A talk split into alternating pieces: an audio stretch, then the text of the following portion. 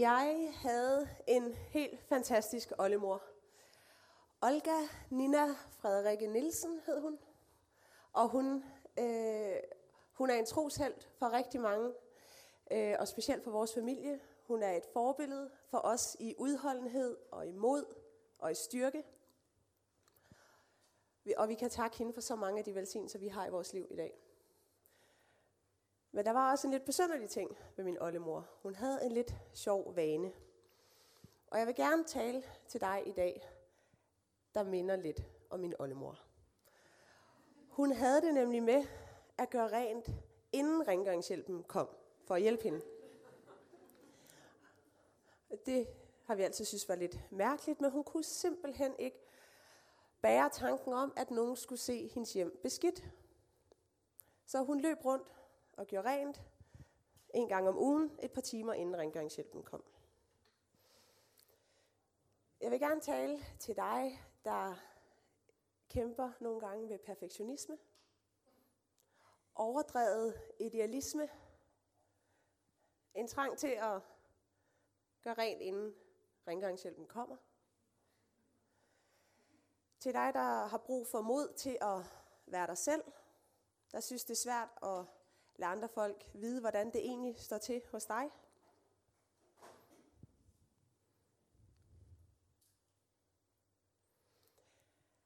Vi er jo en kirkefamilie.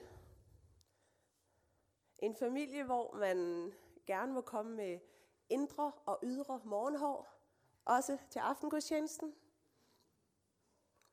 Vi har ikke lyst til at møde en masse facader, når vi kommer ind her i kirken, men vi lader dem ligge derhjemme. Og man kan sidde her og græde sin vej gennem en gudstjeneste, hvis det er det, man har brug for. Vi vil være et varmt fællesskab, hvor man har lyst til at komme, selvom man har haft en elendig dag. Og her for et par uger siden, så stod jeg og sagde velkommen ude i døren her i en gudstjeneste, og så kom der en kvinde fra kirken ind, og jeg har fået lov at fortælle historien. Uh, hun kom ind, og hun kunne næsten ikke lige helt sige hej. Vi fik bare lige givet hende et kram. Og så sagde hun, ej undskyld, jeg må bare lige ind og sidde. Jeg har haft en virkelig hård dag. Jeg er hele tiden ved at begynde at græde. Noget i den stil. Og så løb hun ind. Og jeg blev simpelthen så opmuntret. Altså, jeg var selvfølgelig ked af, at hun har haft en hård dag. Men hurra for, at hun faktisk har lyst til at komme i kirke. At det ikke var en grund til at blive hjemme. Vi gider ikke være en kirke med facader, hvor man tager sit church face på, og så er man klar til at gå ud af døren. Vi har alle sammen, vi har jo alle sammen noget bagage, vi har alle sammen øh, nogle ting, vi går og kæmper med, og nogle gange er livet bare mega hårdt. Men tænk, hvis ikke vi havde lyst til at komme i kirke på netop de her tidspunkter. Hvad er kirke så? Så bliver det lidt bare en, øh, et fællesskab for folk, der har det godt, og folk, hvis facader kan blive opretholdt endnu en dag.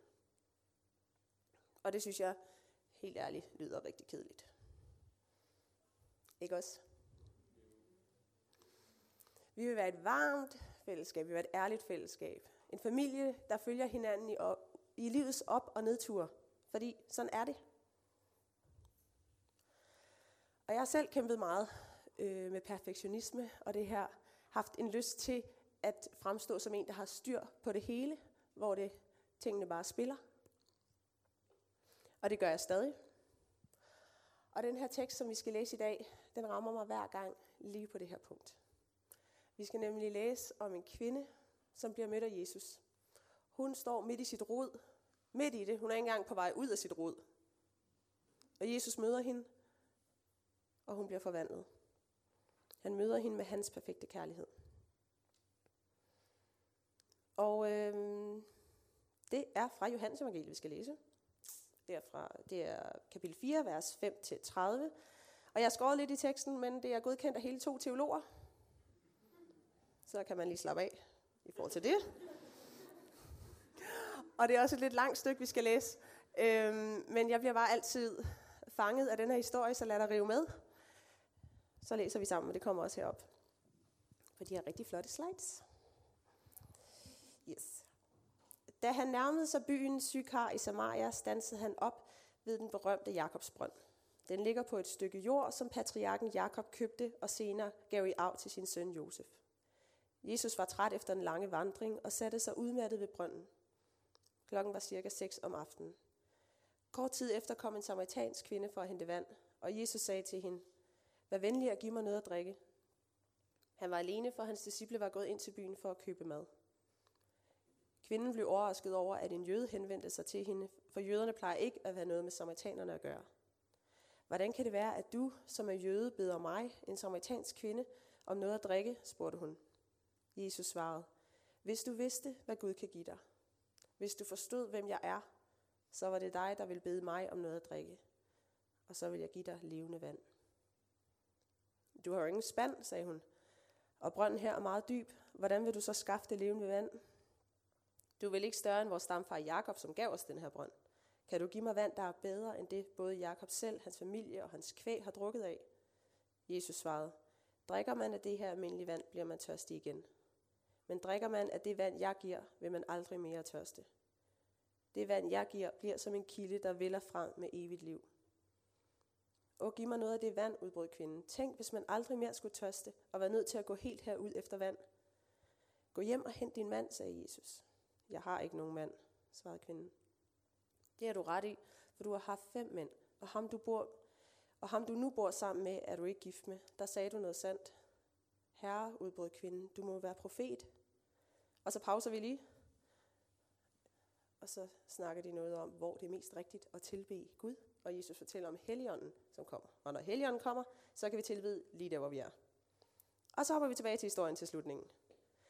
Hvor kvinden lod nu sin vandkrukke stå ved brønden og løb tilbage til byen. Kom og se en mand, der har fortalt mig alt, hvad jeg har gjort, råbte hun. Må ikke han er Messias? Straks løb en masse mennesker ud for at se, hvem det var, hun snakkede om.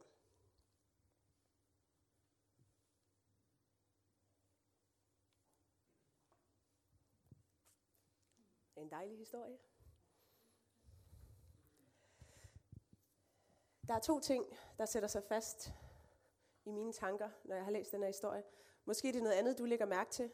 Og jeg tror, at Gud kan tale gennem en historie og gennem en tekst på mange forskellige måder med forskellige vinkler. Så jeg vil også bare opfordre dig til at gå hjem og læse historien og bede Gud om at tale til dig gennem den. Men det ene, jeg vil fremhæve i dag, er, hvordan Jesus møder det uperfekte menneske. Og det andet er den sætning, som Jesus siger, eller det spørgsmål, som Jesus siger, hvis du vidste, hvem jeg var.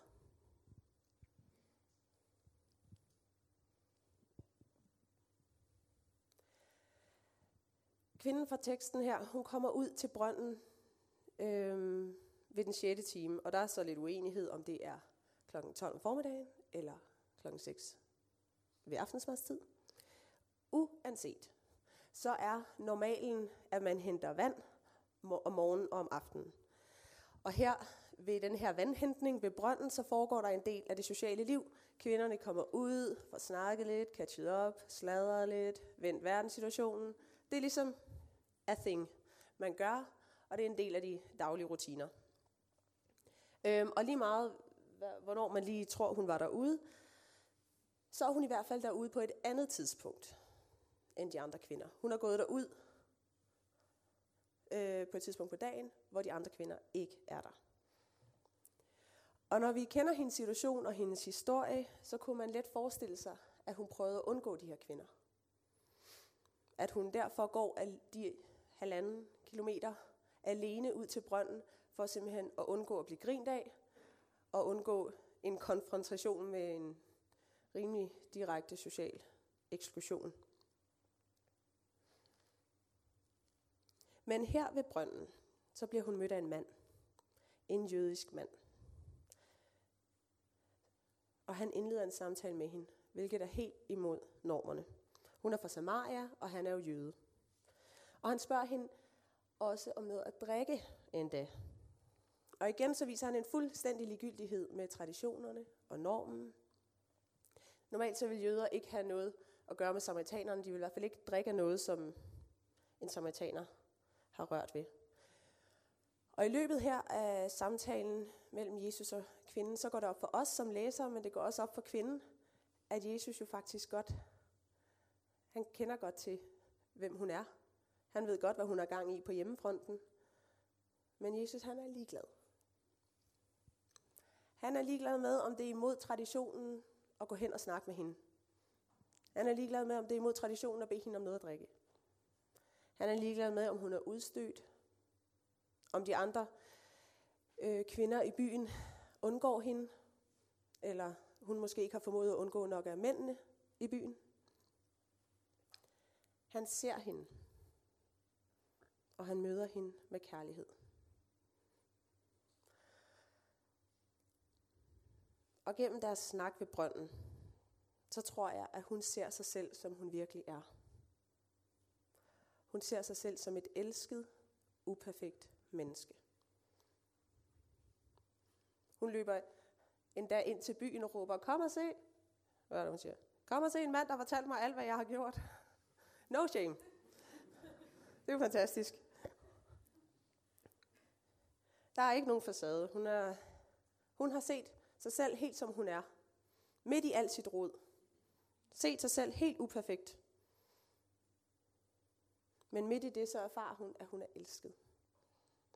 Hun er elsket af Jesus. Og jeg tror, at det er det, der gør, at hun kan løbe ind i byen ærlig og sårbar. Dem i byen ved jo godt, hvad det er, hun taler om, hvad det er, hun har gjort. Men hun kan løbe ind helt ærligt, men også selvsikker og med glæde. Fordi hun har erfaret, at Jesus har elsket hende på trods.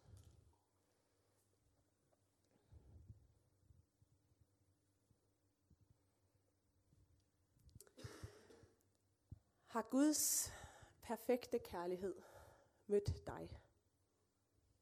Har Guds ubetinget noget, ubetinget accept mødt dig? At du ser dig selv lige så uperfekt, som du er, men dybt, dybt elsket. Det skal vi bede for senere.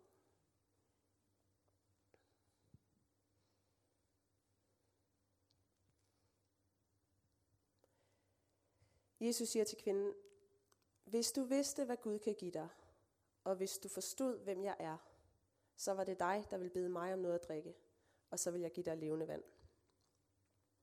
Og det her spørgsmål, det er blevet, det har sat sig fast, sat sig på tværs i mit hoved. Hvis du vidste, hvem jeg var.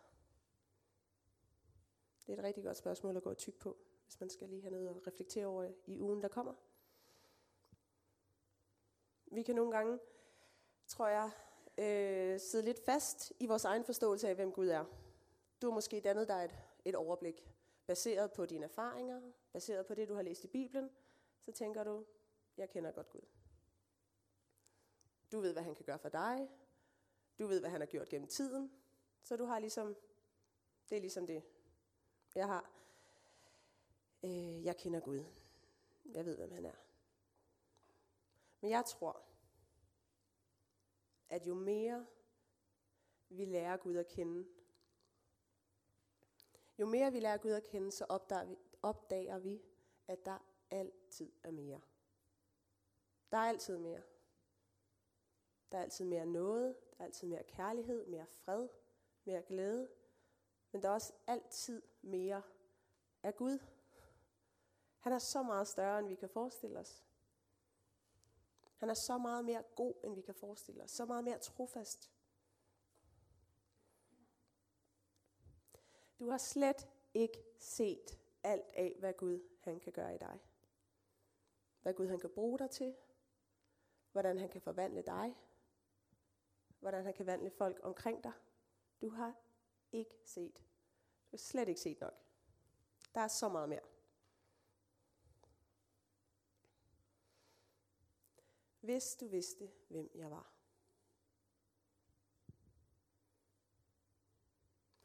Hvis jeg vidste, hvem han var. Hvis jeg virkelig vidste, hvem han var. Hvis du virkelig vidste, hvem han var, så vil du bede ham om det levende vand. Så vil du længes efter at lære ham endnu bedre at kende. Du vil længes endnu mere efter at se hans rige komme på din arbejdsplads, på dit studie, i din familie, hos dine venner, alle steder du går. Hvis du virkelig vidste, hvem han var, hvis vi virkelig har erfaret, hvem han er, det forvandler os. Og der er, en, der er jo en spænding her, og den kan godt være lidt svær. Fordi vi skal jo hvile i, vi skal finde ro i, at Gud bare elsker os. Midt i vores uperfekthed, midt i vores rod, så elsker han os. Og samtidig så skal vi jo ikke stille os tilfreds, for Gud har så meget mere. Vi skal vide dybt, dybt, dybt nede, at vi er bare helt okay. Vi er mere end okay. Han elsker os. Men det må vel også føre til, at vi har lyst til, at han skal fylde endnu mere. At vi skal lære ham endnu bedre at kende.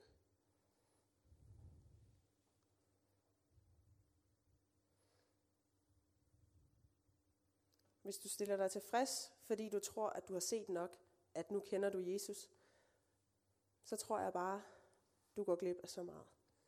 Så vi må finde ro og hvile i vores uperfekthed, men længes efter, at Gud må fylde endnu mere i vores liv. At hans fylde må komme til os, at vi må mærke mere af hans glæde og hans fred, alt hvad han er i vores liv.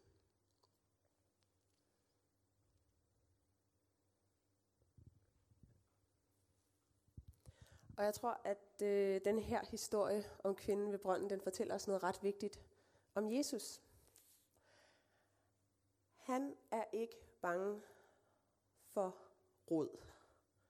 Han er ikke bange for, at der er beskidt i lejligheden. Han er ikke bange for vores uperfekthed. Bibelen er stopfyldt af historier, hvor Jesus han bryder med traditionen, han bryder med de sociale normer, og så går han ud for at vise de udstøtte, dem som samfundet ikke giver meget for, at vise dem, at han elsker dem, og han accepterer dem fuldt ud.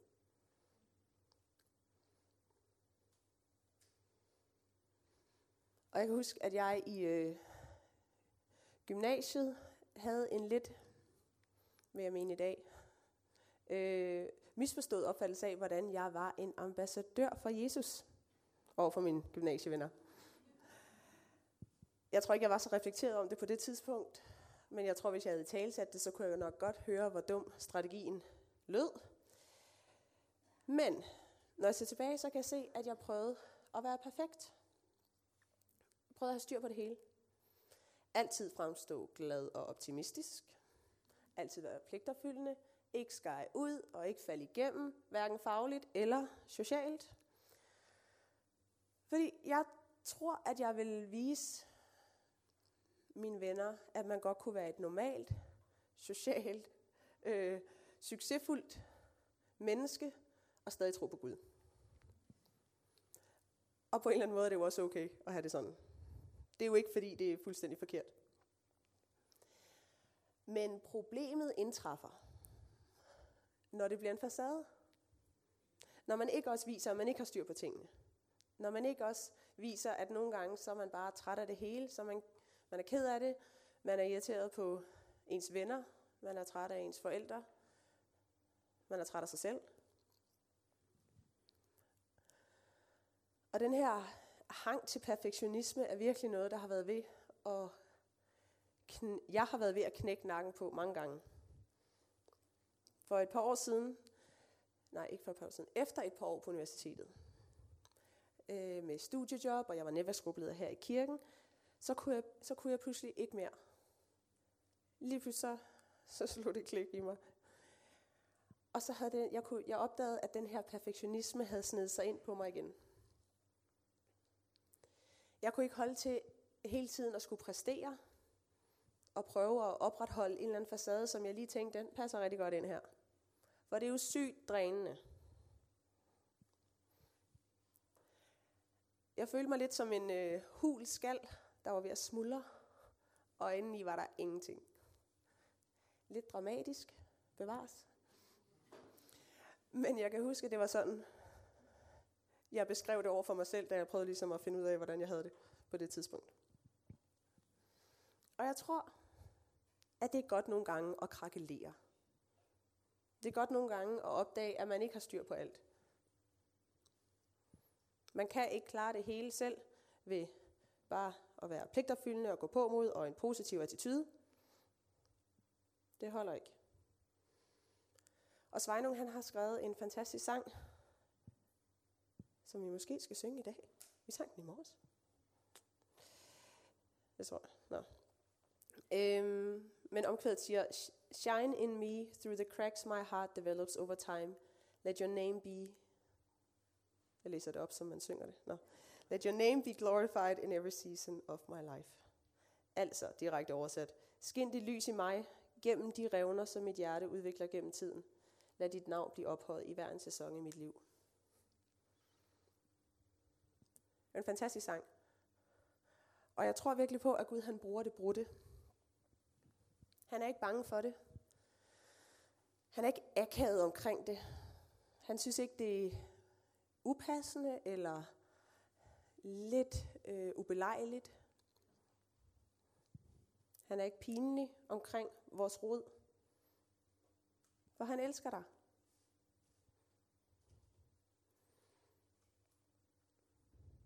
Og kvinden ved brønden har ligesom indset, at hendes facade er krakeleret. Byen ved godt, at hun ikke har styr på sit liv. Så hun undgår dem. Hun isolerer sig selv. Hun henter vand på et andet tidspunkt end dem. Men så møder hun Jesus.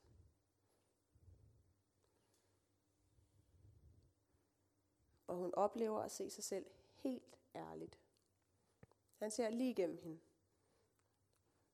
Og helt elsket.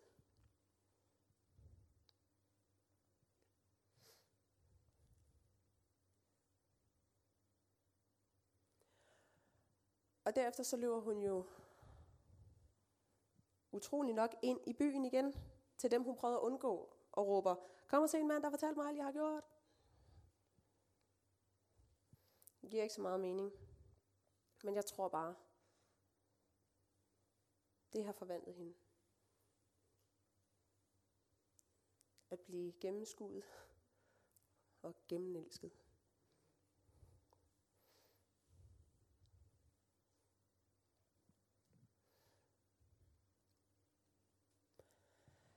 Jeg synes altså, vi skal lade os gøre op. Jeg synes, vi skal gøre op med perfektionismen. Den overdrevne idealisme, frygten for at være sig selv, frygten for, at ting ikke lige kommer til at ende, som jeg jo lige har forestillet mig, at det skulle være. Trangen til at gøre ren, inden rengøringshjælpen kommer. Jeg har selv været hjemmehjælper, og jeg har været ude ved folk, der har gjort rent inden. Det er mega underligt. Det giver jo ingen mening. Man ved jo godt, der er beskidt. Jeg kommer ud for at gøre rent. Jeg ved jo godt, der er beskidt. Selvfølgelig er der beskidt. Lad os turde være ærlige omkring det råd, vi har. Og så vil jeg opfordre til at stille dig selv spørgsmålet hvis jeg vidste, hvem han var. Hvad ville det betyde? Hvis jeg virkelig vidste, hvem han var, hvad ville det så betyde for mig? Jeg er jo godt klar over, at de fleste af os jo har en idé om, hvem Gud er, og det er ikke, fordi jeg siger, at den er forkert. Men der er bare så meget mere. Hvis jeg virkelig vidste, hvem han var, hvis du virkelig vidste, hvem han var, vil du så turde bede for folk, der er syge på arbejdspladsen? Vil du slappe af i vidsheden om, at han er din forsørger? Han er din redningsmand. Vil du turde overgive din fremtid, dine forestillinger, dine drømme til ham? Hvis du virkelig vidste, hvem han var.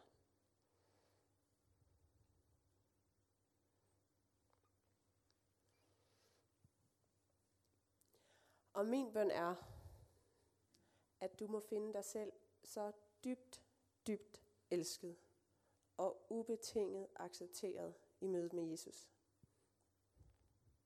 Og det må forvandle dig, og du må længes efter at se endnu mere af ham. At det må skabe en dyb længsel efter det levende vand, som Jesus taler om.